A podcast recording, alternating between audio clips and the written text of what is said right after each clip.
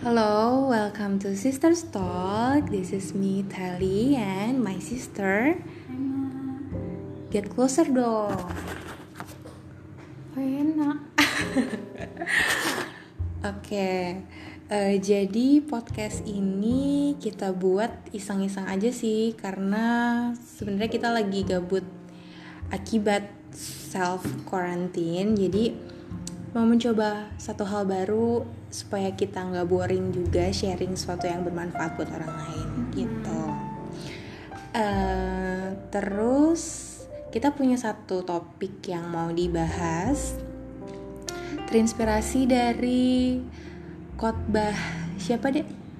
khotbahnya Monsinyur Ignatius Kardinal Suharyo waktu aku ikut misa streaming hari Rabu lalu itu hari raya kabar sukacita gitu deh Oke, itu dia pokoknya. Adik aku tuh lebih holy lah. Wah, Kita clap hand dulu. Oke, eh, jadi guys itu pencitraan ya oke aku percaya sih omongan dia yang tadi tuh benar. thank you Oke, jadi eh, satu hal yang bisa kita highlight dari khotbah atau homili Romo itu adalah eh, perbedaan optimisme dan harapan. Mm-mm.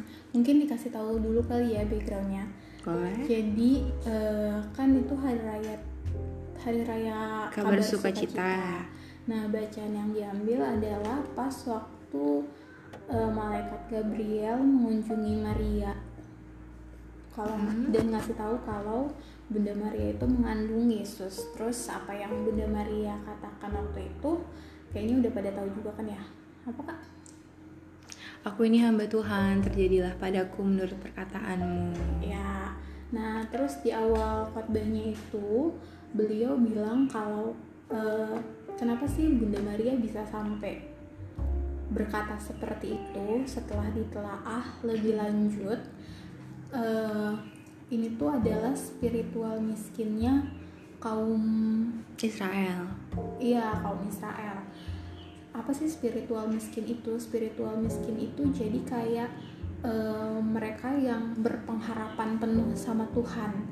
Di mana kalau misalnya kita lihat dari perjanjian lama, bangsa Israel kan dibuang ya ke Babilonia Mm-mm. selama 40 tahun lebih di sana di bawah pemerintahan Firaun terus sampai akhirnya si kerajaan Persia ini apa sih e, mengambil alih menang atas Firaun dan raja Persianya bilang oh yaudah kalau misalnya mereka boleh tuh pergi dari situ Eh, nah spiritual miskin itu jadi kayak terbentuk lah di situ gitu loh jadi eh, mereka yang benar-benar mengandalkan mengandalkan kebaikan Tuhan gitu berharap iya. sama Tuhan kayak gitu Jadi eh, mungkin ketik intinya ketika bangsa Israel dihadapkan pada situasi sulit yang mereka nggak punya hampir nggak punya kontrol terhadap situasi itu, maka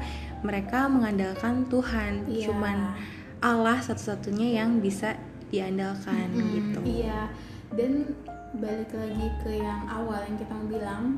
Mm-mm. apa perbedaan antara optimisme dan Harapan. harapan? Ya terus di mention lah sama kardinal ini my monsignor ini. Kalau harapan itu beda sama optimisme. Optimisme adalah eh, berdasarkan pada perhitungan-perhitungan manusia jadi kalau misalnya kita hubungkan sama kondisi saat ini yang di mana kita lagi apa ya cemas-cemasnya gitu lah ya sama wabah COVID-19 dan berdasarkan perhitungan manusia ini akan berakhir dalam kita pakai contoh aja lah ya orang mahasiswa ITB dan para peneliti-peneliti di sana kan bilang kalau wabah ini akan berakhir di pertengahan Mei ya kan? Tapi akhirnya Oh, Juni kok enggak.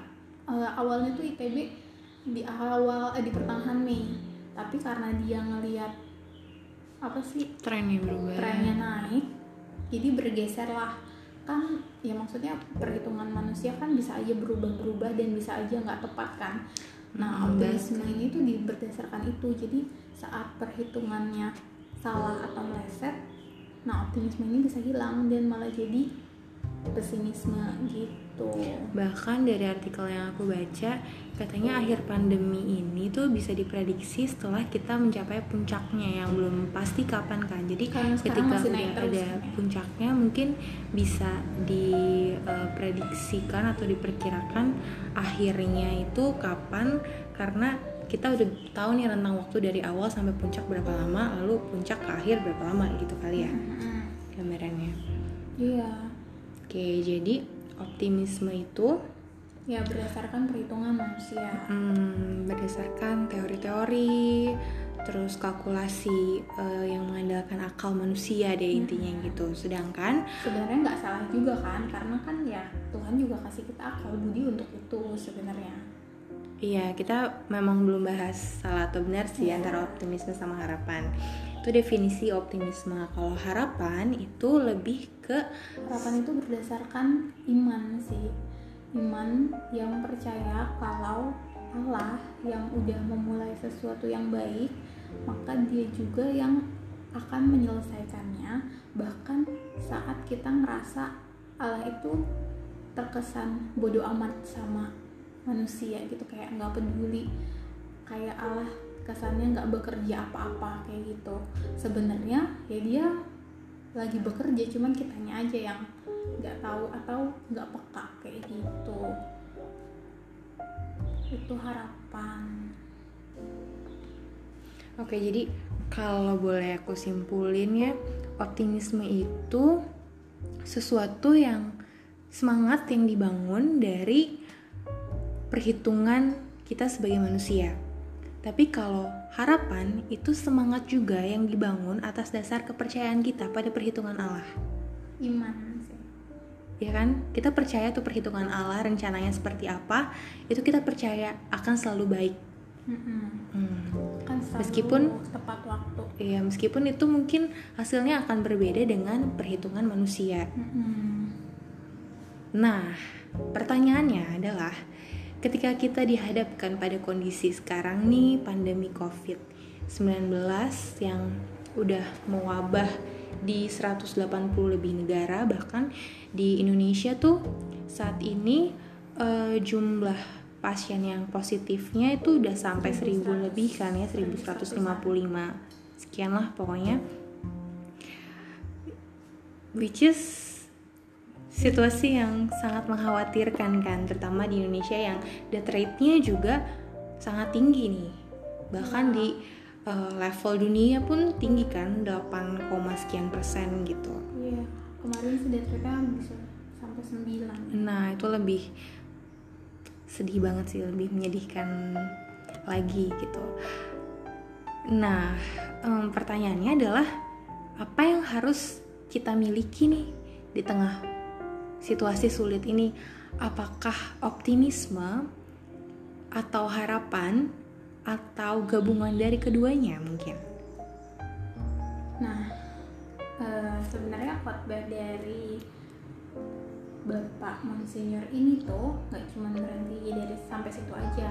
Beliau juga bilang saat kita punya harapan, eh, Tuhan itu eh bukan berarti kita tinggal duduk manis lalu eh, tinggal berdoa aja sama Tuhan. Tuhan ya udah deh terserah mau apa kayak gitu-gitu. Dan nanti kita tinggal nunggu Tuhan kayak menurunkan mukjizatnya dari langit.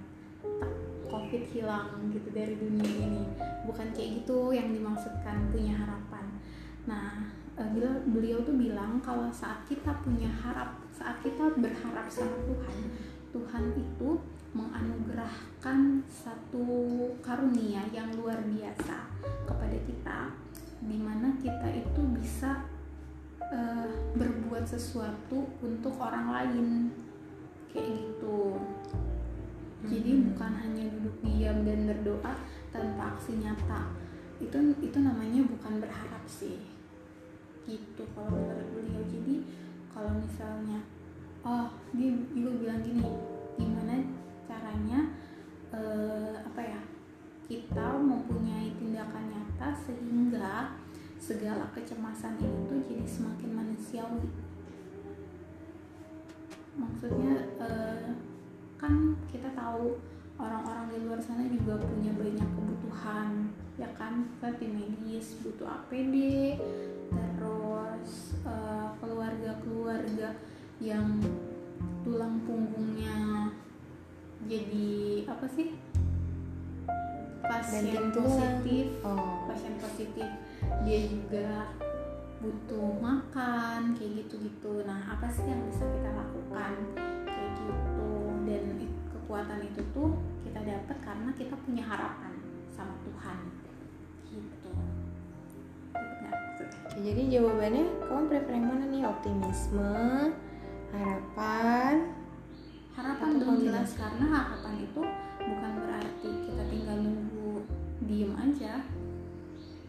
Hmm, tapi kita juga berbuat sesuatu sampai apa yang nantinya kita harapkan atau kita inginkan itu jadi kenyataan karena kehendaknya Tuhan. Gitu. Jadi bukan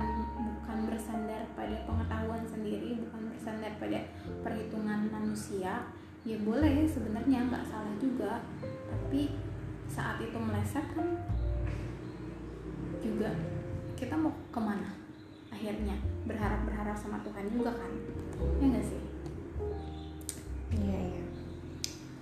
Em, kalau aku mungkin lebih ke mengkombinasikan keduanya sih. Jadi kalau tadi definisinya optimisme itu memakai perhitungan eh, atau kalkulasi manusia itu juga ada baiknya, ada manfaatnya juga supaya apa?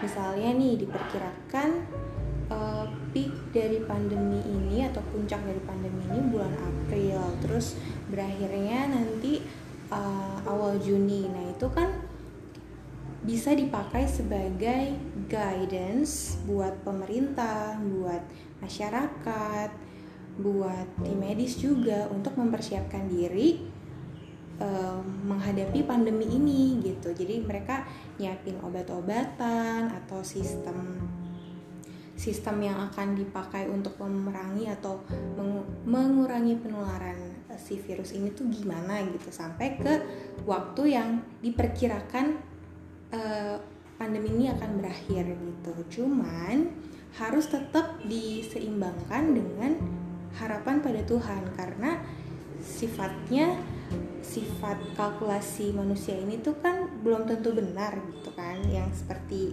disebutkan tadi.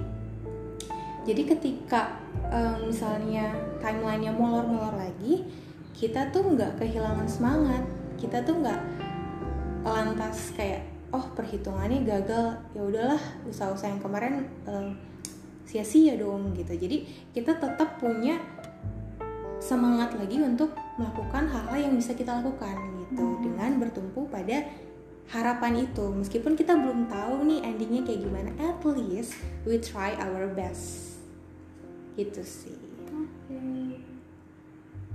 Jadi guys kesimpulannya kita harus tetap optimis dalam em, apa ya memerangi covid ini dengan melakukan hal-hal yang bisa kita lakukan kayak di rumah aja terus sering-sering cuci tangan wash your hands. Kalau misalnya harus keluar ya bawa hand sanitizer. Terus rajin-rajin juga semprot disinfektan ke barang-barang atau benda-benda yang sering kita sentuh di rumah. Eh, dan mungkin kita juga bisa berbagi sama para pekerja harian yang saat ini income-nya tuh menurun eh, eh, sangat menurun gitu. Mereka-mereka yang terdampak akibat pandemi ini gitu. Tapi jangan lupa juga untuk nggak meninggalkan doa karena seperti Bunda Teresa bilang doa itu mengubahkan segala sesuatu. Bukan Bunda Teresa kali siapa dong? kayaknya harus di soalnya aku inget baca eh, kata-kata itu tuh di buku. Cover nggak buku sih? doa. Tapi di bukan belakangnya itu ada- ada biografi Bunda Teresa. Dan diceritain gitu. Oke nanti kita bahas nanti ya. Iya, itu oke. dari siapa? Nih, pokoknya intinya. kalau misalnya boleh mengingatkan sedikit di belakangnya Iya. itu tuh bukan biografi Bunda Teresa tapi ada gambar Bunda Teresa dan cara untuk mendapatkan cara untuk kerendahan hati kerendahan hati terus Hmm. gambarnya Bunda Teresa mungkin kayak agak-agak terasosiasi ya. Heeh, ya pokoknya satu kalimat bagus sih yang inti yang intinya adalah doa itu mengubahkan segala sesuatu either yang eksternal maupun yang internal either keadaan di luar atau Sikap hati. keadaan dalam diri kita atau sikap hati kita gitu guys. Jadi Bye-bye. stay safe stay healthy. stay healthy and keep praying. Goodbye. See you on the next podcast